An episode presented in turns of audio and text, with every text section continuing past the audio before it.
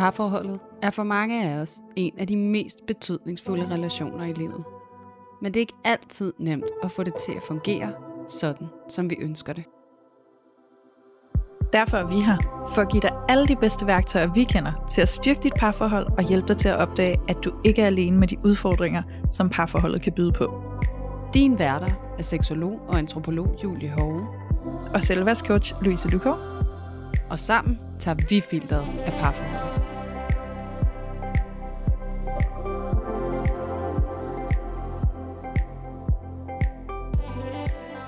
Hej alle sammen, og hjerteligt velkommen til Parforhold Uden Filter.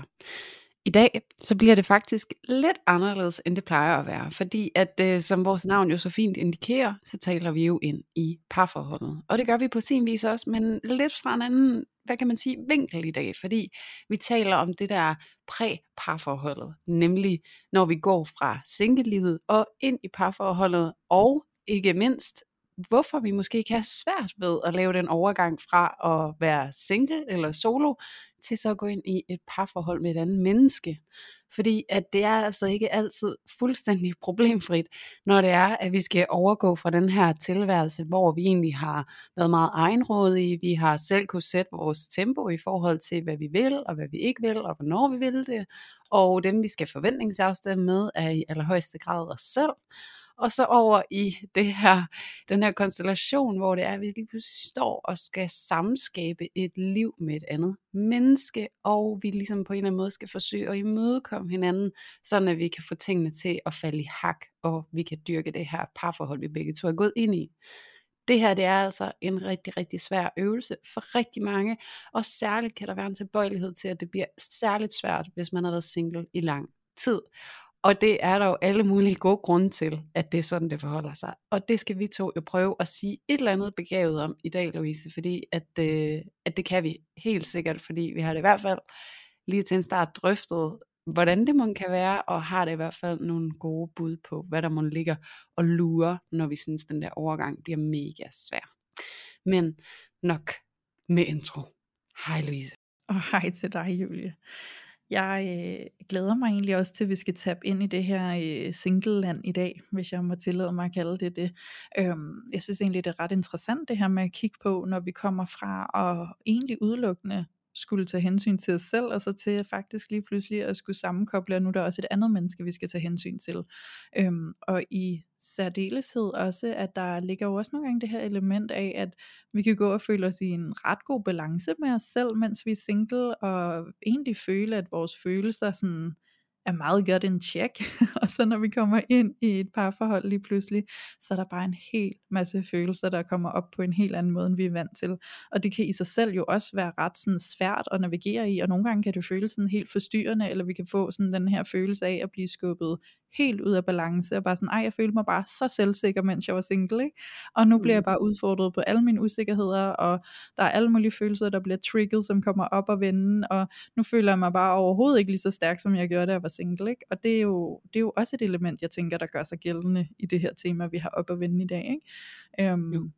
men 100. øh, ja, og jeg sidder og tænker, altså, Mm, det kunne være lidt spændende. Nu ved jeg godt, at vi begge to er i, i parforhold, Julie, og har været i, i flere parforhold, og så videre, så videre. Det er måske også ret lang tid siden, vi begge to har været single, og sådan.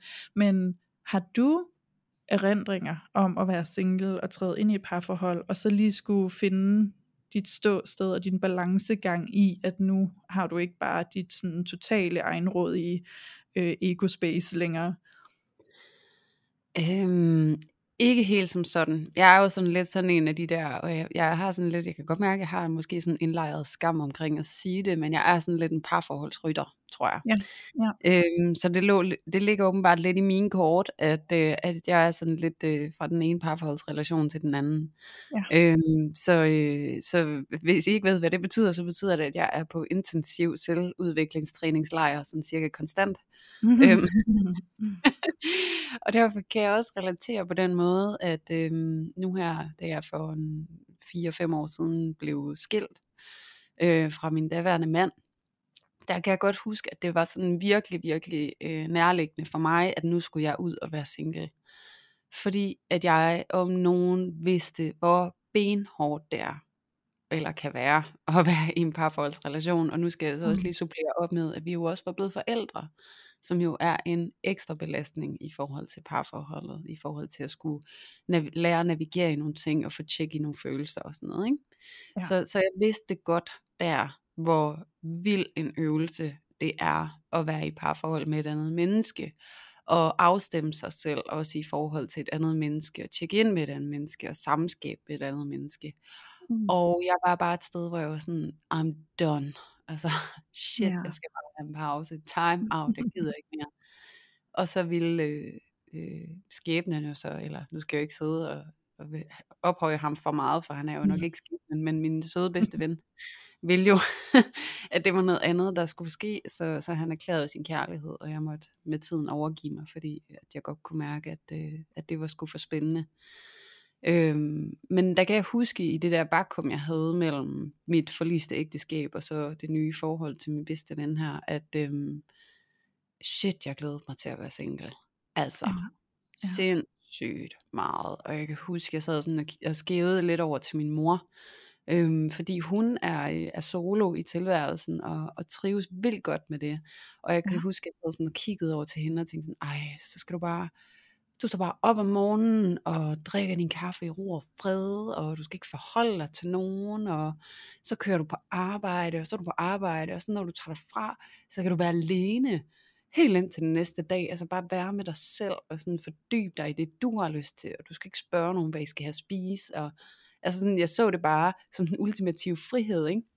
Ja. Altså det rum, hun havde til bare at være fuldstændig egenrådig. Og det var bare et rum, som jeg ikke selv havde haft i så lang tid. Så det var Ja. virkelig sådan, åh, det vil jeg også have. Men, øh, så, så jeg var sådan lidt bummet faktisk over at skulle i et parforhold igen, fordi at jeg jo netop vidste, hvor mange kompromiser og magtkampe og whatnot, der skal til at i gang med at blive indgået og sådan noget, øh, og udlevet, når man træder ind i sådan et parforhold. Så på den måde kan jeg relatere til øhm, den forløsning, der er i det frirum, når man er sig selv. Og jeg havde det i en meget kort periode. Altså, altså virkelig kort, ikke? Men Mm. jeg nød det. Jeg nød virkelig det der åndehul, og skulle også sådan lige trække vejret en ekstra gang, og så gik ind i parforholdet igen. Øhm, Ja. Ja, så derfor så kan jeg jo egentlig godt sympatisere med mange af de singler, som står derude og går derude, og som synes, det kan være helt vildt overvældende at skulle ind i et parforhold, og, og, og ligesom at indstille sig på netop i hvor høj grad man indgår de her kompromiser, og så har jeg det jo tæt på på den måde, at min bedste ven i sin tid, der ham jeg jo så endte med at være sammen med, og er sammen med nu, han havde jo været single i fem år, og Ja. været øh, vindmølleteknik og, og rejst hele verden rundt. Altså, og arbejdede 14-14, og så når han havde fri, så gik han ud i lufthavn og hoppede på det fly, han havde lyst til. Øh, og skulle ikke tjekke ind med nogen, altså sådan no responsibility, ikke? Ja. Øhm, og den kæmpe frihed, han havde til at gå ind i et forhold med mig, hvor der altså også er barn og rutiner. Mm. Øhm, så jeg kan, kan måske sådan relatere bedst i forhold til at kigge over på ham, og hvordan at det kunne have Mm. været svært at skulle til at stemme i med mig egentlig. Ja. Ja. Ja, ja så det er sådan min umiddelbare tanke, øh, Mm. Relatering ind i et emne, som jeg føler mig måske sådan lidt på udebane med egentlig, men, men jeg er jo også nysgerrig på, på dig, Louise, om du, øh, det kan jo også være kvænet, jeg lige har, så har fortalt, ikke, at du også, også kan Mm. finde nogle, nogle lighedspunkter i forhold til noget, du kan tage ind i, så øhm, Ja. kan du det? Øhm, sandsynligvis ja, men jeg har egentlig bare lyst til at gå med det, jeg er inspireret i lige nu, og det er ikke så meget i mine egne erfaringer. Jeg har også selv haft single-periode, hvor at så skulle jeg ind i et parforhold, og så var det lidt svært og sådan noget. Men, men det jeg egentlig bare lige sidder og bliver inspireret af, det er den der tanke med, hvordan at jeg tror nogle gange, hvis man er single, og man egentlig har etableret sig ret godt i sit single-liv, altså sådan, man er øh, godt tilpas, ikke? man er gjort malig i øh, sit eget liv, og det her med at være komplet selvstyrende, og så komme ind i et parforhold lige pludselig, hvor at der bliver sgu skubbet til tingene, ikke? Altså, øh, nu er du ikke komplet selvbestemmende i alt længere, nu er der ligesom nogen, vi responder til, ikke? Øhm, og jeg tror nogle gange godt, det kan påvirke på en måde, hvor vi kan blive i tvivl om, sådan, altså sådan, jeg tror, vi kan komme til at misforstå, eller sådan, mm, hvordan skal jeg beskrive det, altså sådan, jeg tror det kan blive et, et, et lidt sløret billede det her med sådan, okay, er det jeg oplever nu af gnidninger, handler det egentlig om, at du så ikke er den rigtige partner, jeg har indgået en parforholdsrelation med, fordi det føles svært og besværligt, og åh, jeg føler mig lidt kvalt i noget frihed, eller whatever. Eller er det mere et spørgsmål om, at det er bare gnidningsfyldt for mig lige at omstille mig fra at have været så fri og selvbestemmende til ikke at være det længere. Øhm, sådan, giver det mening? Altså at vi måske kan komme til at, at, at, at, at pådute den der partner, vi har fået ansvaret for, at vi ikke føler os på samme måde, som vi lige har følt i en årrække, mens vi var single, og ligesom følte, at vi havde totalt styr på det hele. Ja, helt sikkert. Jo, jeg synes, det giver rigtig god mening, og jeg tror faktisk også tit, det er det, der kan gå galt, forstå mig ret, ikke? Jo. Øhm, det er den der, altså når det går op for en, at det ikke bare er nemt at få ja. en kæreste. Og også igen, jeg har lyst til igen at referere tilbage til, at det er jo at tit og ofte er det billede, vi er blevet opflasket med. Mm-hmm. At det her med, at det, du går, og det, du er single, og det kan være sjovt og spændende, men det er også lidt ensomt, og man går er sådan grundlæggende længselsfuld efter at danne par, og komme ind i den her relation, og en eller anden dag finder den eneste ene, og det er altid endestationen, du ved, i narrativet, mm. det er, at man finder en og partner op med, og så får børn og familie med, og alt det der, ikke sådan en romantisering af parforholdet som idé. Øhm, og så det her med, at, at det går vi så at få det her billede af, at det er sådan noget fantastisk noget, og det er der, hvor alt bliver forløsende og dejligt, ikke? Mm. Og, det, og hvor det måske faktisk er, kan være sådan lidt modsatrettet, hvor at det, der er nemt, øh, også som du sagde, Louise, her i starten, det her med, at man jo bare skal afstemme med sig selv i et eller andet format, ikke? Jo. At det faktisk er der, det ofte er allernemmest. Og når vi så går ind i det her parforhold, og det er også derfor, vi laver den her podcast, parforhold uden filter, det er nemlig for at, at afromantisere det lidt, og også afdramatisere, at det er konfliktfyldt og svært mm. at gå ind i en parforholdsrelation. Ikke?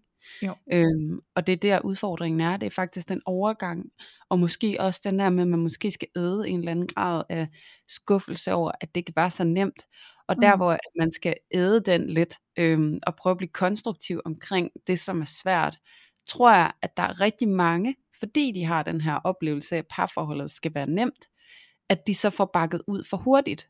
Øhm, mm, ja. Og i særligt jo længere tid du så har været single, øhm, og er blevet mere og mere opdyrket i at skulle være din egen lykkesmed og gøre som du selv befaler, øh, jo endnu sværere bliver det altså også at skulle øh, gå ind i en konstellation, hvor der er den her grad af kompromis, øh, som der skal på en eller anden måde skal indfinde sig. Ikke? Altså, jo. Så det, det er jo det der med, at du bare, man skruer jo bare op for kadencen, ikke? Det er bare så meget sværere, jo længere tid man er gået med sig selv. Det er rigtigt nok, fordi det er jo det, er jo det der at gå fra, at der kun er én persons behov, til at der er to personers behov, der skal sådan fylde og blive opfyldt og mødt og alt det her andet. Ikke? Og det betyder jo også nogle gange, at vi må skiftes lidt om at få vores behov opfyldt, eller vi må på en eller anden måde få halvdelen af behovet opfyldt, eller altså sådan den her balancegang i at få gjort plads til to mennesker nu, og ikke kun ét menneske. Øhm, og jeg tænker jo, at altså jeg kan bare ikke lade være med at sidde og tænke, det er jo også det, der sker, når vi så får børn. Altså så er der bare endnu flere mennesker inde i vores lille konstellation, hvis behov fylder og skal have noget rum og noget plads. Ikke? Og det, det, det bliver jo bare en, en sværere og sværere balancegang det her. Jo, mere, jo flere vi bliver, jo flere behov er der i spil i en husholdning, der skal på en eller anden måde tages hensyn til. Ikke? Øhm, så, så det giver jo bare så god mening, hvordan at det kan føles nemt at være single og egentlig kun tage højde for sig selv. Og jeg sidder ja. også bare og tænker sådan nogle helt banale ting, så som indretning, ikke? Altså sådan det der med at have sit eget space, hvor man kan indrette sig, og man skal jo egentlig kun tænke på, hvad man selv kan lide. Og så er man lige pludselig med en partner, man flytter sammen, og så, så er der bare to menneskers meninger, der skal smelte sammen på en eller anden måde. Vi skal have en indretning til at fungere, vi begge to føler os hjemme i, og føler os inspireret af og glade for, og alt det her, ikke? Øhm, og noget af det, som jeg ikke kan lade være med at tænke i alt det, vi sidder og snakker om lige nu, det er, at jeg glider sådan hen i, hvordan kan vi beholde vores eget space i parforholdet, når vi først er inde i det, fordi altså mig og min kæreste eksempelvis, vi er begge to sådan meget individualister, vi elsker at være sammen, vi tilbringer meget tid sammen, vi hygger os og griner, men vi har i den grad også bare brug for at være os selv og have vores eget space, øhm, og noget, som vi har snakket om på, på det seneste, det er, at når vi på et eller andet tidspunkt flytter tilbage til Danmark, og skal finde os en lejlighed, så vil vi faktisk rigtig gerne finde en lejlighed, hvor der er rum til, at vi har hver vores værelse. Øhm, mm. Vi vil gerne have et soveværelse, der kan være et fælles soveværelse, men at vi så har et rum hver, som er vores hobbyrum, eller whatever vi har lyst til at gøre det til. Og jeg kan bare mærke, at der er sådan en kæmpe øh, sådan glæde og altså jeg, altså jeg glæder mig så meget, fordi det er det der med sådan, det er mit rum, og der er ikke andre end mig, der skal bestemme, hvilke farver der skal være herinde, hvilke møbler der skal være herinde, hvad det skal bruges til, og der er ikke nogen, der kommer ind og rykker på tingene. Altså der skal ikke være plads eller hensyn øh, inden vi flyttede øh, øh herud i verden, som vi er lige nu, øh, der havde vi et fælleskontor, og jeg havde fået lov at være lead på indretningen, og heldigvis så kunne min kæreste rigtig godt lide indretningen, så det var jo dejligt. Men så var der jo selve driften af det her kontor, altså måden vi brugte det på, og det gjorde vi på meget forskellige måder. Og jeg kunne godt lide det her med, når jeg havde siddet og arbejdet, så havde jeg måske nogle små bunker med nogle noter, og øh, det lå sådan struktureret øh, sådan så jeg kunne huske, hvad det handlede om. Jeg havde ligesom sådan en inspirationskilde i at, i, i at se, hvordan det lå, hvis det giver mening. Øhm, vi kan også vælge at kalde det organiseret råd. Øh, og min kæreste, han er sådan en der, jamen hvis jeg skal arbejde, så skal der bare være clean desk, ikke? Clean desk policy, plejer han at sige, ikke? Så han kunne sagtens finde på at komme ind, tage alle mine noter, papirer og post alt muligt, bare klappe det sammen til en stor bunke og kaste det ind i skabet, ikke? Og så var jeg bare sådan, du har lige ødelagt hele min inspirationskilde og så kunne jeg bare blive vildt frustreret, ikke? Og hvor han bare sådan, ja, men jeg kan ikke tænke, hvis der ligger ting alle vejen, ikke? Og jeg er sådan, jeg kan ikke tænke, hvis der ikke er nogen ting nogen vejen. Altså jeg har brug for, at der er noget i mit space, for at jeg kan få noget inspiration. Så når der bare er clean desk, og bare sådan hvide vægge, og sådan, jeg kan slet ikke, jeg går helt i stå, det bliver alt for klinisk til mig, ikke? Så det der med hele tiden at bounce øh, back and forth i, sådan, hvordan har vi et kontor, et rum, der skal fungere til begge vores måder at være på, ikke? Når vi er så forskellige i det. Altså der kan jeg virkelig mærke den der sådan, åh, hvis det her rum bare kunne være mit, Altså sådan, at jeg bare kunne selvbestemmelse, og sådan virkelig lyst til, at det skulle være mit. Så jeg tror, det der med sådan, det, lad os bruge det lidt som en metafor, det her med det her kontor, ikke? Øhm, mm. til hvor vigtigt det faktisk er, at vi giver noget space til dem, vi er, og til vores egne behov, og finder en eller anden måde at kunne have noget, der er os, inde i parforholdet, og sådan få givet det space, for jeg tror også, der nogle gange er en idé om, hvordan man er i parforhold. Altså jeg tror godt, vi kan have en eller anden idé om, at vi sådan skal smelte sammen, og nu skal alt bare være en enighed. Ikke? Øhm, ja. Også sådan noget med, jamen så går vi ind i fælles økonomi, og vi har altid sådan, der er nogen, der har fælles kalender, så de kan følge med i hinandens kalender. Det kan jo godt være praktisk nogle gange, hvis man har børn og sådan nogle ting. Ikke? Men det der med, at alt bliver bare lige pludselig øh, kastet sammen til en enighed, hvor at alt bare er fælles. Ikke?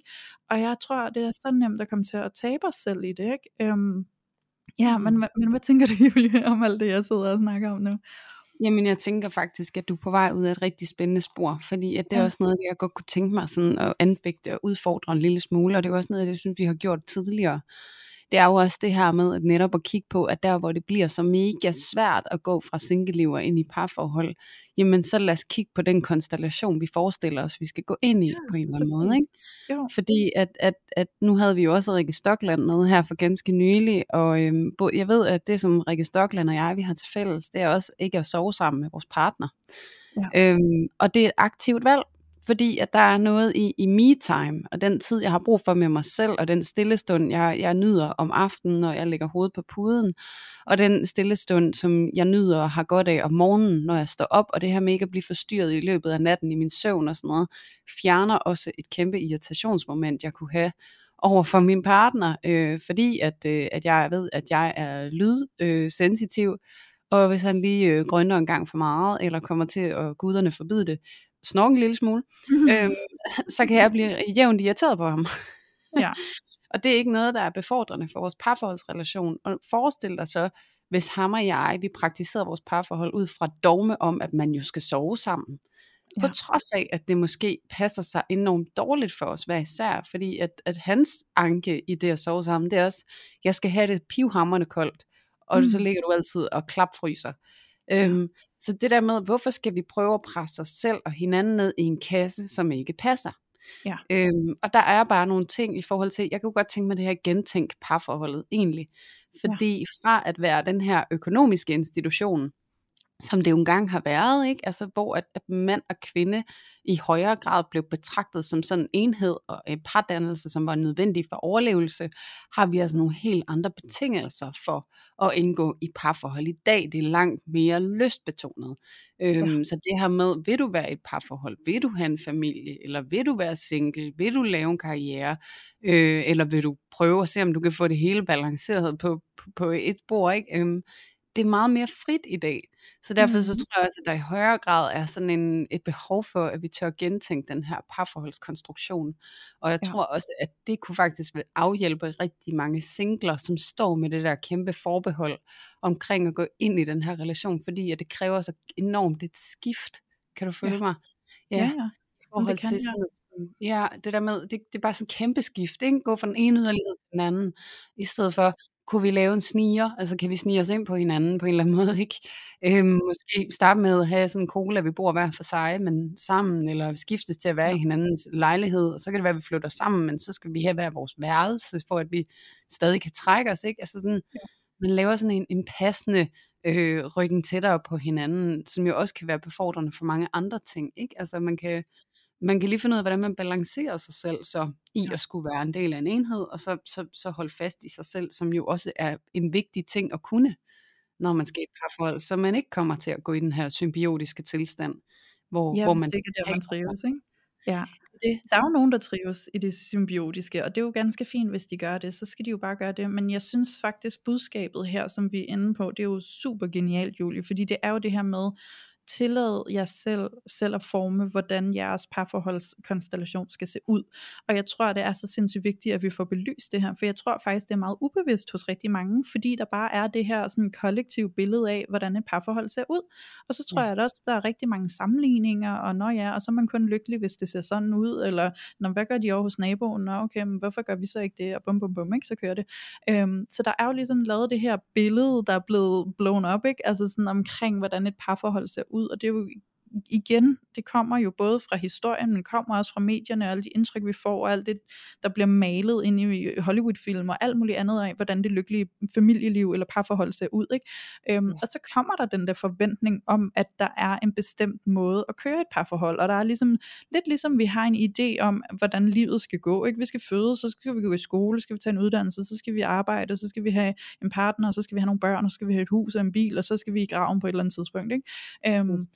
Og, og det er det der med at træde lidt ud af den der idé om, at der er en måde at gøre tingene på. Ikke? Og det er det samme med parforholdet. Så har vi en idé om, at man finder en, en, en partner, og så bliver man forelsket, og så har man lige et stykke tid sammen, hvor man dater og hygger og lærer hinanden at kende, og så kommer der et naturligt tidspunkt, hvor nu slår vi pjalterne sammen, så skal vi flytte sammen, så går der ikke så lang tid, så skal vi til at få et barn, og så skal vi giftes, og så skal vi dit, og så skal vi det, eller omvendt. Ikke? Mm. Øhm, og det er det der med at træde lige ud af den der sådan planlagte tidslinje, der er lagt for de forskellige temaer i livet, og så tillade egentlig at bare gøre det, I har lyst til. Ikke? Men der kan Ja. jo godt være nogle fordomme eller nogle forventninger, vi skal gøre op med, hvor vi måske på et eller andet plan er blevet suget ind i en idé om, at det selvfølgelig også er sådan, det skal være for os. Så vi har faktisk måske ikke engang kontakt til, hvad vi har lyst til. Så det skal vi jo også give os selv lov til at eksperimentere med at undersøge. Øhm, jeg kan huske en gang for mange år siden, hvor jeg har været i, i starten af 20'erne, der havde jeg en chef, som ikke boede sammen med sin kæreste. Jeg kan huske, at hun fortalte mig det, så var sådan, det var da godt nok besynderligt, hvad der er galt. Altså sådan, kan I ikke lide hinanden? Vil I det ikke rigtigt? Er I ikke klar til at committe? Og, altså jeg var helt uforstående, fordi det var bare så uvandt for mig at høre, at man kunne være kærester, og så bare have besluttet sig for, der er ikke en plan om, at vi skal flytte sammen, vel? Øhm, og, og nu ved jeg sådan, ja, nu er det jo gået mange år, og nu har jeg hørt det flere gange, der er en i Lasses familie, hvor de også sådan, ja, op i årene, men bor ikke sammen, og det er bare et valg, de har taget, ikke? De er kærester, og de er forelskede, og de hygger sig, og laver ting sammen, de har bare valgt ikke at bo sammen. Og det er jo det samme, vi ser med, øh, med det Helena, som er influencer, hun har jo også en kæreste, og de har jo også valgt det her, som vi kalder cola-forhold, ikke? hvor man ikke bor sammen. Øhm, og det, jeg synes jo, det er fantastisk at begynde at se, at der er andre muligheder, og det er faktisk helt okay. Og så er det også interessant at se, hvordan vi andre, når vi møder dem, og, og vi måske ikke lige er vant til det, faktisk kan sidde og have en respons, der er sådan lidt helt forundret, sådan, jamen, altså, hvad, hvad vil det sige? Altså, skal I aldrig bo sammen? Altså sådan, hvorfor ikke Mm. det? Og sådan, ikke? Altså, man kan blive sådan helt, og det bare så tydeligt et signal om, hvor påvirket vi er til at tænke parforholdet på en helt specifik måde, i en helt bes- specifik sådan, tidslinje, vi skal igennem nærmest alle sammen på den, på det samme, altså på den samme måde. Ikke? Ja. Øhm, og og så kan det jo godt være svært, fordi vi er bare så forskellige mennesker hen over hele kloden, ikke? så vi kan jo godt have virkelig forskellige lyster og behov i forhold til, hvordan vi har lyst til at være sammen. Så hvis man føler sig kvalt i, at alt skal blive sådan en kæmpe fælles pulje, ikke? så kan det godt mm. være, at man skal overveje, om det kunne være okay at lege lidt med, at ens parforhold måske kan se ud på en anden måde, end det vi ser i Hollywood-filmene, ikke? Ja, også fordi jeg sidder også og tænker, at det er også en måde at imødekomme altså noget som commitment issues på, ikke? Fordi ja. commitment issues, når vi har svært ved at overgive os til en eller anden form for konstellation, så er det ofte sammenhængende med, at vi ikke kan overskue den. Altså sådan, ja. jeg kan ikke overskue at sige et ja til det her, som er så ja. enormt, og som er sådan en kæmpe omvæltning for mig. For hvad nu hvis, at det jeg så møder, når jeg har sagt ja til det, er noget, som falder fuldstændig ved siden af mig, og jeg så ikke kan trække mig igen fra det. Ikke? Altså det der med, at, at, at opgaven overstiger ligesom, hvad vi er i stand til på en eller anden måde. Ikke? Jo. Så det der med, at vi faktisk aktivt kan gå ind og redefinere, jamen hvad er pardannelse for en størrelse? Hvad er kronologien i den måde, vi skal danne par på? Fordi det er jo også noget af det, som nogle gange kan gøre det svært, også sådan i hele den der dating fase, og så er det måske det, man synes, der er det mest interessante, men så begynder, så er der en, der åh, fortaber sig og får sagt, hvornår vil du have børn, eller sådan noget, ikke? Mm-hmm. og så falder den der stemning bare til jorden for nogen, og det er der jo også en sammenhæng med, sådan hvis du kigger på det rent psykologisk, er der jo også noget med, at der skal være en vis grad af spænding i mm. relationen. Og den her spænding, den er altså også forudsat af en eller anden uforudsigelighed i forhold til, mm. hvad skal vi to med hinanden? Mm. Uh, det er spændende. Og hvis du så, hvis, hvis det du så bliver præsenteret for er en fix og færdig plan for the rest of our lives, ikke? Altså med, øh, mm. nu skal vi date, og nu skal vi flytte sammen, og nu skal vi have fælles økonomi, og så skal vi giftes en dag, og så skal vi på bryllupsrejse, og så skal vi have nogle børn, og så skal vi have et hus, og sådan, altså så skal alt det her, ikke? Altså hvis det er en fix og færdig plan, du siger ja til, hvad er spændingen i det?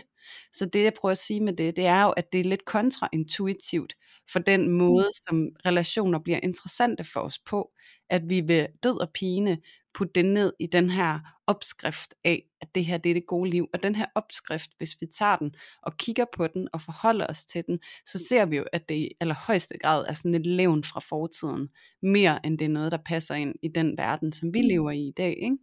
Jo. Og derfor synes jeg også, det er så fint, du siger det, Louise, det her med, at vi ser det jo også bare alle steder, ikke? Altså jeg har det sådan, jeg kan tænke over det bare, når jeg går en tur i IKEA eller sådan noget, ikke? Altså, når man der er forældrenes soveværelse, en udstilling her, så, altså, for det er, sådan, det er så normativt, altså, at vi skal lægge sammen på den måde, og det er sådan her, vi gør familie, hvor det er sådan, hvis det er, du mærker en, en ambivalens omkring at træde ind i parforholdet, så tror jeg virkelig, det er en tanke værd, om det er fordi, at den måde, det bliver præsenteret på, er noget, ja. der passer til dig. Ikke? Altså, øh, og hvis det føles for uoverkommeligt at sige ja til hele pakken, siger jeg i anførselstegn, det kan I jo ikke se.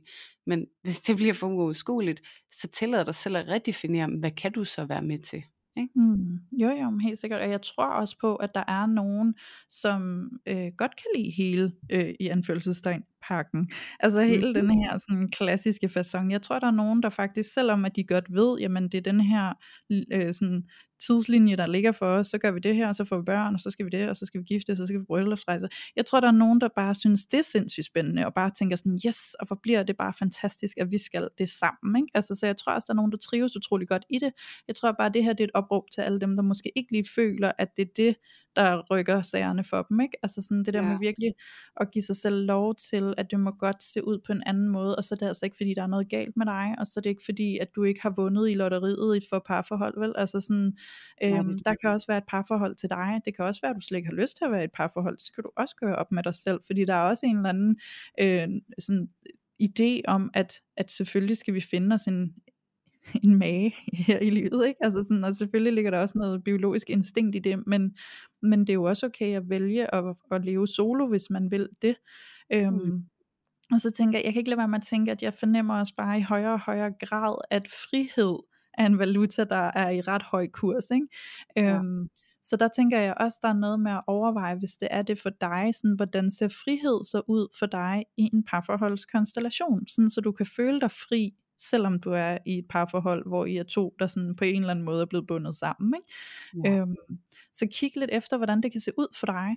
Og så kan jeg ikke lade være med at sidde og tænke på sådan, sådan helt lavpraktisk eksempel fra mit eget liv. Det er faktisk, at dengang jeg var single, så elskede jeg sådan om aftenen at ligge og læse bøger, inden jeg skulle sove.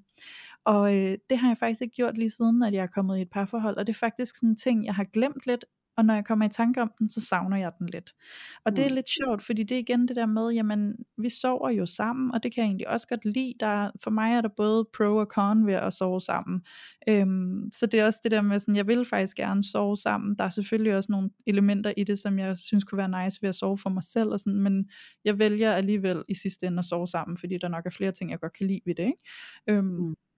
Men det der med sådan at se, hvordan at der jo lige pludselig er nogle omstændigheder, der ændrer sig for os, fordi at nu det her med at ligge og læse om aftenen i sengen, det, det bliver svært for mig at se, hvordan det skal lade sig give sig, fordi hvis min kæreste gerne vil sove og have slukket lys, så er det lidt svært for mig at sidde og læse, uden at forstyrre ham med en lille sådan læselampe, eller hvad det kunne være. Mm. Ikke? Øhm, og det er sådan en ting, jeg nogle gange har tænkt sådan, åh, jeg savner lidt den der sådan, den der side af at være unge single Louise, der egentlig bare hyggede sig og kunne gøre alle de ting, som jeg havde lyst til, og mine rutiner og mine rytmer og alle de her ting, ikke, som jeg på en eller anden måde er blevet alternated i nu. Ikke?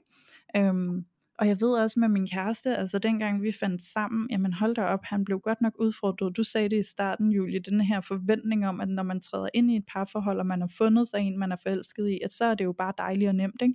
Og det mm. troede mm. han jo rigtig meget på. Han troede virkelig på, at det var ligesom sådan, når man først har fundet en kæreste, så kører det. Så har man ligesom landet øh, øh, ja, i livet. Ikke? Og der fandt han jo bare ud af, at det var jo ikke sandheden. Det var jo lige pludselig svært og kompliceret og konfliktfyldt, og man skulle finde hinanden og nogle rytmer sammen og alt det her. Ikke? Øhm, og der sagde han jo også, jamen han havde jo egentlig, når han kigger sig tilbage, mange gange forladt en relation, fordi han nok i virkeligheden blev lidt mast over, hvad det egentlig betød at skulle tage hensyn til hinanden, når man, når man først bliver et par. Ikke? Ja, præcis. Ja. Øh, og, og apropos det, så da vi sad og snakkede om i starten, det her med at, at mødes og skulle sådan begynde at indgå kompromiser om en eller anden form for fælles livsførelse, ja. så sad jeg også og tænkte på, at der jo også virkelig er sådan, en ting er, at det besværlige ved at skulle begynde at indgå nogle kompromiser, som der ikke tidligere havde været brug for, og et andet element ved det der med at overgå fra single-livet til, til parforholdslivet, det er jo også, at vi skal møde os selv på en ny måde, ikke? Øhm, mm. Fordi at det er det der med, at vi møder os selv i mødet med den anden. Øhm, ja. Og det her med, at vi virkelig bliver topbevidstgjorte om alle de øh, traumeoplevelser og såringspunkter og udfordringer, vi måtte have, når vi står der i mødet med den anden. Og ja. det kan for nogen jo være mega overvældende, fordi man jo også efter en lang singleperiode har været meget mindre stimuleret af alt det. Der har det mm-hmm. måske været øh, isoleret til, at man kan have haft en konflikt med et familiemedlem, eller en veninde, eller et eller andet opgør i en eller anden offentlig situation, hvor du mærker, at du bliver ramt på noget. Og det, som de situationer har til fælles, det er, at du som oftest kan flytte dig fra det. Øhm, på en anden måde, hvor at parforholdsrelationen og den konstruktion, den er lidt anderledes, så det kan føles lidt flere, sværere at flytte sig fra det, og lidt mere risikofyldt at flytte sig fra det, fordi mm. der er mm-hmm. det her, den her inden, øh, hvad kan man sige, opereret frygt for svigt, eller for at, at tabe og miste og blive forladt og sådan noget. Så det hele, det bliver lidt sværere, det her med bare at flytte sig fra det, som er ubehageligt. Mm-hmm. Øhm, også fordi man jo som oftest, når man er i parforhold, jo mødes tit og ofte på regulær basis. Ikke? Og for jo, jo. at de møder, de skal blive behagelige, så er vi også nødt til i en eller anden forstand at så møde hinanden emotionelt også. Ikke? Jo. Så derfor så kan man ikke flygte på samme måde fra det, som er svært. Og det er også der, hvor jeg tit ser, når jeg har også klienter i terapi og sådan noget, at det er der, hvor det bliver så sindssygt udfordrende. Sådan, wow, hvorfor er det så svært? Og hvorfor skal jeg føle alt det her? Og, og hvordan, hvad kan jeg ved det? Og hvordan kan jeg undgå det? Og det er jo interessant også, at, at vi taler om, hvordan vi kan undgå det. Men mm. det er ikke mm. desto mindre det jeg tit møder faktisk, det her med, jeg vil så gerne undgå at mærke alt det her, jamen det er jo det, du har gjort i din, din fem til syv år som single jo, der har du undgået det. Og ja. det kan du i og for sig godt blive ved med, og du kan også møde en partner, som du så er mindre forelsket i, som aktiverer dig mindre. Mm-hmm. Øh, fordi det er tit og ofte sådan, det hænger sammen. Jo mindre forelsket vi er, jo mindre aktiveret er vi også. Og det er jo det, jeg plejer at sige, du kan ikke lukke ned for de dårlige følelser kun, du kommer til at lukke ned for det hele. Ja. Så det er både det gode og det dårlige. Øhm, og det er jo et valg, man så kan tage. Så kan man jo finde en partner, man måske er mindre betaget af. Men, men Mm. reglen er altså, hvis vi finder en partner, som vi er dybt betaget af og meget forelsket i, så kan vi virkelig også forvente at blive helt enormt aktiveret i det, som er svært. Og det er der, hvor vi får lyst til at flygte fra det. Og det er virkelig værd at, at, at melde det ud klart og tydeligt, så når, hvis du sidder derude og går fra single-liv til en eller anden parforholdsrelation, eller lignende relation med et andet menneske, så, så vil jeg virkelig gerne invitere dig til ikke at blive så bange for det. Altså fordi det er så forventeligt, så naturligt, så forløsende. Altså der er kæmpe potentiale i alle de områder, hvor du mærker, du bliver udfordret. Fordi det er jo en invitation til heling af noget, som stadigvæk for, ligger uforløst i dig på en eller anden måde. Ikke? Jo. Ja. Jamen helt sikkert. Jeg sidder sådan, mens du snakkede, Julie, så, så dukkede det op for mig det der med, at sådan, eksempelvis når man får børn, jamen så Ja. har man jo ligesom et 24-7 ansvar ikke, for det her barn. Øhm, Mm. Og på et eller andet plan, så kan jeg ikke lade være med at tænke på, når man indgår i et parforhold, det er jo, altså, det kom så lidt ud af det, du sagde med, at man kunne måske have, når man er single, nogle konflikter med et familiemedlem, eller en kollega, eller nogle venner, eller et eller andet, øhm, og som man kan fjerne sig lidt fra, ikke? Og det er som om, at når vi er i et parforhold, så er vi jo også sådan lidt mere 24-7 bundet til hinanden, agtigt, ikke? Øh, I Mm. de fleste tilfælde. Øhm, og altså sådan, vi, vi har lige pludselig en hverdag, der smelter lidt sammen. Vi skal lige afstemme med hinanden hele tiden, og hvad skal du, og når kan det så fungere, at jeg gør det her. Og, altså sådan, der, der er ligesom den der med, at nu er vi lige pludselig bare sådan hele tiden øhm, i hinandens space på en eller anden måde. Ikke? Altså, sådan, hvis, hvis jeg har en konflikt med et familiemedlem, eller en veninde, en veninde eller et eller andet, jamen så kan der jo være et naturligt rum til lige at, at tage lidt space fra hinanden, hvis man har brug for det, eller et eller andet. Ikke? Men det er som om med et med et parforhold og med en partner i konflikt, så det jo, det kalder jo lidt på sådan, jamen der er jo ikke rigtig det der space, hvor vi egentlig bare lige er, Nå, men øh, vi ses om en uge, eller vi ses om en måned, eller et eller andet, vel? Altså der er ligesom det der kald på, sådan, vi bliver nødt til ligesom at fortsætte, fordi vi er jo her i den her konstellation, hvor vi er sammen, og har en hverdag sammen, og vi bor sammen, vi ser hinanden hver evig eneste dag, og altså sådan, der er jo ikke det der med sådan, om jeg, jeg er lige lidt for mig selv i et par uger, og så det, det er ikke, altså jo, det kan man selvfølgelig godt, men det er bare meget sjældent, øhm, at Ja. det forekommer, ikke? Og det er, jo, det er jo den der med lige pludselig at stå meget sådan til ansvar over for et andet menneske 24-7, øh, på lidt samme måde, som vi gør, hvis vi får et barn, hvor vi ligesom skal være til rådighed, ikke? Øhm, og skal afstemme hele tiden. Så det, det er jo egentlig ret vildt at tænke på, den her parforholdskonstellation, og det er jo også det, der siger noget om, hvad der sker med os øh, i de tilfælde, hvor vi bryder et parforhold, ikke? Det der med sådan at komme ud, og så bare have den her følelse af, at vi har mistet vores ene arm, fordi vi har været vant til det her menneske, bare har været så kæmpe kodyl, en del af vores liv hver evig eneste dag, og nu er du der ikke. Det er fandme mærkeligt, ikke? Altså det er jo, det er jo en kæmpe del af vores identitet på en eller anden måde, ikke? Ja, fuldstændig. Og, og jeg tænker jo også, at det er jo naturens smarte måde at indrette det således, at vi ligesom forbereder os på at blive mere øh, kompromisorienteret, inden at vi forplanter os på en eller anden måde. Fordi det er jo også det, vi hele tiden skal huske i et eller andet omfang. Det kan i hvert fald berolige mig nogle gange at huske på, at det her med parforhold og sådan noget, er jo bare naturens måde at sikre sig, at, at menneskearten den overlever. Ikke? Jo. Så det et eller andet, på et eller andet plan, så snakker vi ren og skær biologi. Og der har den Ja. jo også indrettet det således, at det skal være lidt bøvlet, det der med at være sammen, fordi det kommer til at blive maks bøvlet at få et barn. Øh, Ja. der skal du virkelig, virkelig være skarp på din, på din evne til at indgå kompromis og tilsidesætte egne behov for at give plads til nogen. Og, Ja. og oven i det, så er vi også sociale væsener. Ikke? Altså, vi er afhængige af at samme eksistere med andre mennesker. Mm-hmm. Så, så derfor så er det en medfødt evne, som, men det er også noget, vi skal træne på en eller anden måde. Og jeg tænker også, at man kan være mere eller mindre disponeret over for, om man er god til det eller ej. Øhm, jeg sidder selv, når vi, når vi taler sammen, Louise, om det her, og, sådan, og så sidder jeg og funderer over, jamen, hvorfor søren er jeg sådan en øh, parforholdspige, øh, hvis man skal kalde det det. Mm. Og hvorfor er det måske, det ligger mig så naturligt? Og så sidder jeg og tænker på sådan, gud, jamen jeg er jo vokset op i sådan et lille øh, ghettoområde, i sådan en lille lejlighed, hvor der var to soveværelser, og vi var altså tre børn. Mm. Så vi skulle hele tiden skiftes til at bo sammen. Øh, Ja. Så jeg skiftevis boede med mine brødre. Øhm, fordi vi skulle have, skiftes til at have det der værelse selv også, ikke? Altså sådan, og det er jo virkelig, altså at bo samme værelse med to forskellige øh, drenge, øh, forskellige alder, og de har nogle, øh, hvad kan man sige, måder at gøre tingene på. Jeg havde nogle andre måder at gøre tingene på, og jeg skulle ligesom indrette mig på en eller anden måde. Og så plus jeg var den yngste, tror jeg også, altså det der med, at vi kan have nogle opvækstbetingelser, som på en eller anden måde også prædisponerer os til, hvorvidt vi er gode til at indgå kompromiser eller ej. Øhm, altså sådan om det ligger meget naturligt eller lige for.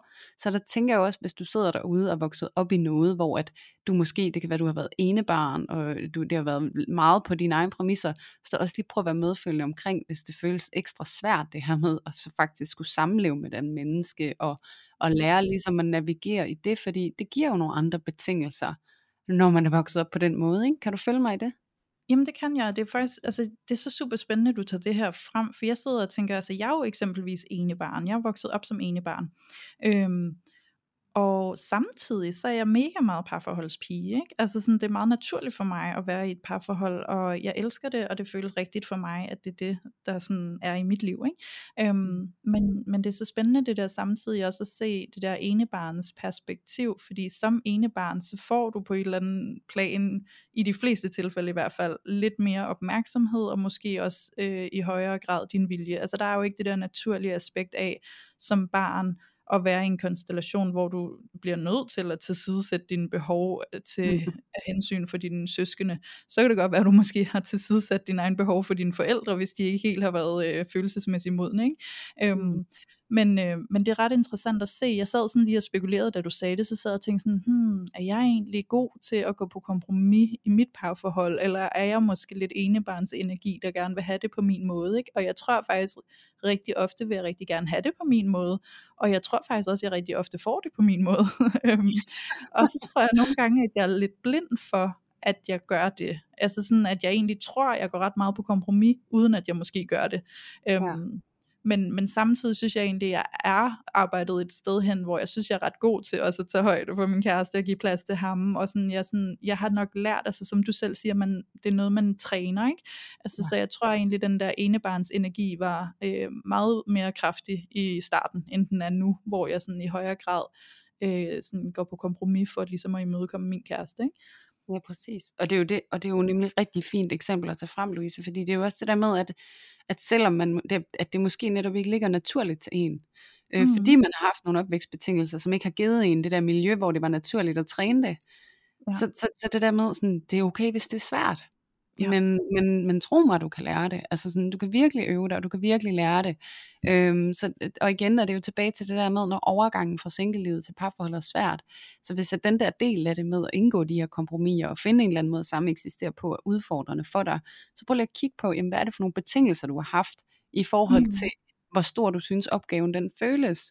Og hvis det er, du kan se, wow, okay, jamen jeg har været mega egenrådig, eller jeg har været den ældste i en søskende flok, jeg fik det sgu altid på min måde, eller wow, hvor giver det god mening, at det er topsvært for mig at skulle lave den her, det her skift i mit liv, hvor jeg skal sameksistere med et menneske på den her måde, fordi jeg har virkelig, virkelig ikke rigtig nogen erfaringer, jeg kan trække på, og det er jo sådan, vi fungerer som mennesker, vi navigerer ud fra de erfaringer, vi har, så det er jo det der med, åh, oh, her er der et sted for mig, hvor jeg skal til at få en masse nye erfaringer, så jeg ved, hvad jeg skal stille op med mig selv lige her.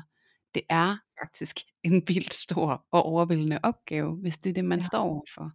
Så som vi jo altid siger, Louise, total medfølelse, medfølelse, medfølelse over for dig, og ikke en dunk i hovedet over, øj, det er også fordi, mm. jeg er og jeg er egoistisk, og jeg kan heller ikke finde ud af, og men bare sådan, og jeg synes det er så fint det du siger Louise, det der med egentlig du sidder lige nu, mens vi taler om det, og bliver opmærksom på, hmm, jeg ved hvad jeg gør egentlig, hmm, tror det er det her, men det kunne egentlig også være det her. Ej, det var interessant, ikke? Og jeg synes, i det, den måde, du taler om dig selv på, er jo en vildt god demonstration af, hvordan det er rigtig godt at komme i dialog med dig selv på, omkring noget, som kan være svært. Altså det med ja. det undersøgende, og det er nysgerrigt og ikke dømmende. Og, altså, ja, så det havde jeg lyst til at fremhæve. Det synes jeg var mega fint, den måde du gik til det på, fordi det er sådan virkelig hands on, det der er brug for. Ikke? Ej, hvor dejligt dejligt, at det lige kunne komme til nytte, at jeg lige øh, kom ind i det space, sådan ja. lidt uventet. Ja, men jeg tror også bare, altså sådan for mit vedkommende, så er det her jo også bare en kæmpe invitation til at tillade, at der ikke er en rigtig måde at være i et parforhold på. Ikke? Og ja. hvis du har været single i lang tid, og du egentlig dater og gerne vil finde en, en mage, mm. en partner i livet, øhm, så bare vid, at altså, der er sgu mange gode grunde til, hvorfor det måske kan være lidt svært, og måske får du måske sagt nej til til en masse fantastiske mennesker helt ubevidst, fordi at du måske synes, det er en svær omstilling at gå ind i et parforhold og give slip på noget af den sådan, egenrådighed og frihed, som du har som single. Ikke? Ja. Øhm, så, så altså bare jeg har virkelig en invitation til, at du, du er helt okay, som du er. Det er okay, du har de behov, du har. Det er okay, det er svært at gå på kompromis. Og så er det bare mega okay at tilbyde sig selv og overveje, at parforholdskonstellationen måske kan se anderledes ud, end hvad vi nogle gange kan forvente af os selv, at den, at den skal se ud som om. Ikke? Fordi så kan vi få puttet os selv ind i den her kasse, der hedder, jamen jeg skal jo passe ind i det der, ellers er jeg åbenbart ikke egnet til at være i et parforhold. Ikke? Ja. Øh, jo, det kan du sagtens være. Ikke? Så tilbyd nu dig selv, at et parforhold kan se ud på rigtig mange forskellige måder. Vi er bare ikke vant til at se den variation i lige så høj grad, som jeg tror, der begynder at blive åbnet op for i højere og højere grad nu. Ikke? Fordi vi ja. bare er mere... Øhm, Altså vi er jo i en kæmpe udvikling, evolution og moderne tider, og altså sådan, så, så der bliver bare et rum til, at tingene kan se ud på mange forskellige måder, i stedet for at det bare er sådan en kasse, vi alle sammen skal passe ind i. Ikke? Så ja. tillad bare dig selv at forme den kasse, som fungerer for dig, og så selvfølgelig er der en partner, der så skal med dig derind i det format, og det tror jeg rigtig meget på, at vi på et eller andet plan øh, kommer til at tiltrække, ikke? sådan så at at vi kan samleve ja. på en måde, der fungerer for os begge to. Ja, det er det. Og jeg synes, det er så fint sagt, Louise. Fordi det er jo det der med, at lad være med at blive bange i mødet med dig selv. Altså, ja. for det er jo det, du møder dig selv, når du møder en anden, der får lov til at spejle dig på den måde, der hvor du bliver allermest forelsket. Mm. Og når du så møder dig selv, og, og mærker, hvad det gør ved dig, så vær nysgerrig på, hvad kunne være de bedste betingelser for mig, i forhold til at skulle stå og blive det her møde med mig. Ja. Sådan, hvordan, hvordan kan vi indrette os, sådan at jeg ikke bakker ud, eller trækker ja. mig, eller bliver bange, fordi det kan føles overvældende, og det kan det bare, hvis du har været single ja. i mange år, så kan det føles top overvældende. Ja, det kan fordi det. Det, det er så uvandt, ikke? Og det er ja. det der med, sådan er det med så mange ting, når det er uvandt, så, så kan vi bare virkelig have lyst til at kæmpe, eller flygte, eller fryse, ikke? Mm. Ja. øhm, og, og det er det der, vi skal prøve ligesom at imødekomme, ikke? at det er det, vores hjerne den gerne vil helt intuitivt, hvis det er, at vi føler os presset på noget. Så det der med sådan, okay, hvordan kan jeg ligesom forme miljøet omkring det, jeg oplever, på en sådan måde, at jeg ikke behøver at flygte fra det, eller fryse, eller kæmpe med det på den måde, ikke? men bare forholde mig og møde mig selv i det. Det er jo egentlig det, der er øvelsen.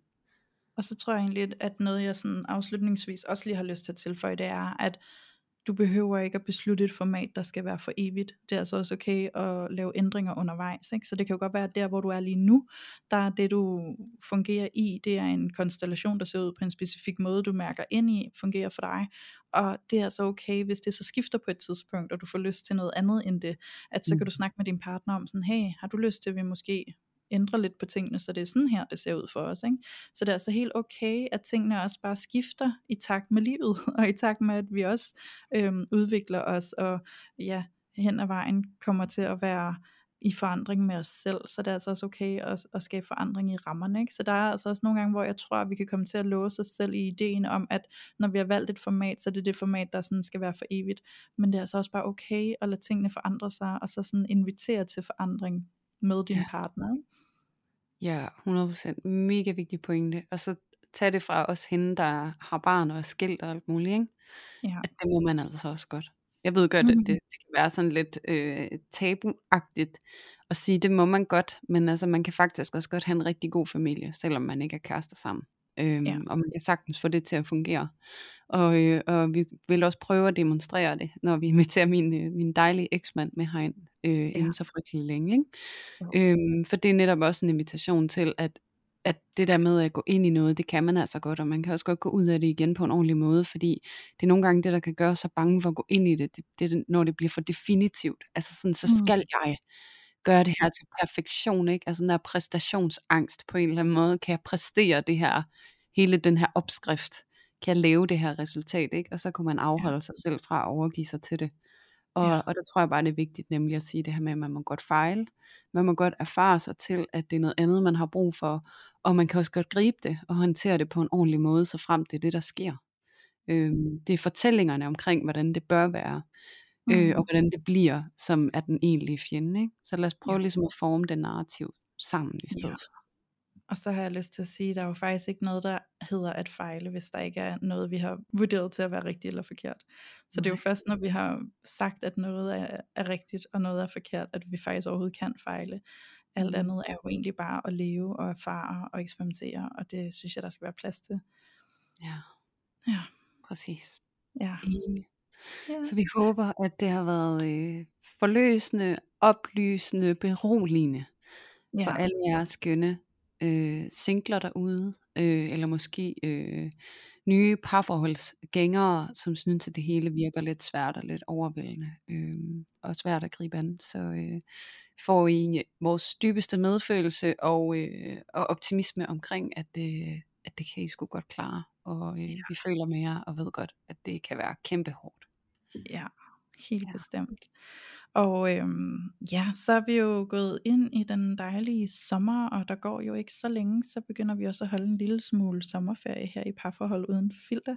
Men øh, vi kommer altså til at tilbyde jer en hel masse gode anbefalinger til nogle af vores tidligere afsnit, som I kan lytte til, mens I er på sommerferie selv. Det kan jo være, at du er ude at rejse og ligger på en lækker strand og bare skal lytte til et eller andet, og så kan du tabe ind i nogle af vores tidligere afsnit. Og det kan også være, at du bare er hjemme i Danmark og hygger dig, og måske stadig er på arbejde, og så kan du også lytte til os. Så I behøver altså ikke undvære os, selvom vi går på ferie, og vi skal også nok lige sørge for at annoncere inde på vores Instagram og sociale medier, hvornår vi holder ferie. Men øh, derudover, så kan jeg også bare godt tænke mig bare lige at kaste en øh, invitation til alle jer søde, kære lyttere, som vi holder så meget af, om I har lyst til at hjælpe os og vores podcast, og det kan I jo gøre ved at komme med nogle anbefalinger til os. Og det er der jo forskellige måder at gøre på i de forskellige apps, som I lytter til os på. Så I må altså vældig gerne gå ind, og hvis I lytter til os på Apple Podcast, gå ind og skrive en anmeldelse om, hvordan jeres oplevelse er med at lytte til os. I kan give os nogle stjerner. Det kan I også gøre på Spotify og på Podimo, hvor I kan øh, give os en stjerne eller en thumbs up, og øh, det, altså, det sætter vi bare så stor pris på, så det må I altså virkelig gerne gøre, fordi det hjælper os til, at mange flere får øje på os, og kan lytte med, og også kan få værdi ud af at sidde og få indsigt i sig selv og deres parforhold, og gode råd til, hvordan de kan gå til nogle af de udfordringer, der er i parforholdet. Ja. Så øh, kæmpe, kæmpe invitation, og på forhånd en kæmpe taknemmelighed for jer, der gør det. Ja, og vi kan jo se også, altså sådan, at de gør det. Og altså, wow. Det varmer hver gang. Tak, Ja, det gør det tak, virkelig. tak, tak til Tusind jer, der tak. tager jer tiden til at, at give os den anbefaling. Det, øh, det gør en forskel, det skal I virkelig vide. Det gør det. Ja. Ja. Og, øh, og så vil jeg også bare lige give en lille invite til vores kære loge inde på Facebook. Du går ind på Facebook, og så søger du på parforhold uden filter, bindestreg lotion, og så kan du ansøge om at komme ind i logen, og så optager vi nye medlemmer øh, næ- hver næstkommende tirsdag. Og det er altså et virkelig, virkelig fint fællesskab, vi har derinde, med en masse herlige, vidunderlige, nysgerrige mennesker, som bare er lige så interesserede i at finde ud af det her parforhold, og hvordan det fungerer, og hvordan vi navigerer i det sammen. Og øh, ja, altså du kan gå ind, og du kan skrive dit dilemma, din aktuelle problemstilling, du kan slå det op helt anonymt, og så sidder der altså en, øh, en loge med over 2.000 medlemmer klar til at spare med dig, og stille dig opklarende spørgsmål, og være i dialog med dig omkring det, som er svært. Så kæmpe invitation herfra, og øh, vi håber selvfølgelig at se mange flere af jer ind i logen, og, øh, og velkommen til jer, som, øh, som er kommet i den her uge, og til jer, der kommer i næste uge, og fordi der kommer nye medlemmer hver uge, og det er bare Ja. så skønt at se, virkelig, Det at det det her fællesskab, det bare vokser, og I bliver ved med at være dejlige, altså tak for jer. I er så søde ved hinanden. Det er så dejligt at se. Så øhm, kom ind og vær med i vores øh, dejlige fællesskab på Facebook. Og så vil jeg bare sige tak for i dag, Julie. Det har været sindssygt spændende bare lige at tage en helt ny vinkel, hvor vi taber ind i det her single-liv, eller i hvert fald i det nybegyndende parforholdsliv. Øhm, så, øh, så tak for det, og tak for i dag. Selv tusind tak, Louise. Det har været en kæmpe fornøjelse. Og tusind tak til alle jer vidunderlige lyttere, der endnu en gang har været med til at tage filteret af singellivet.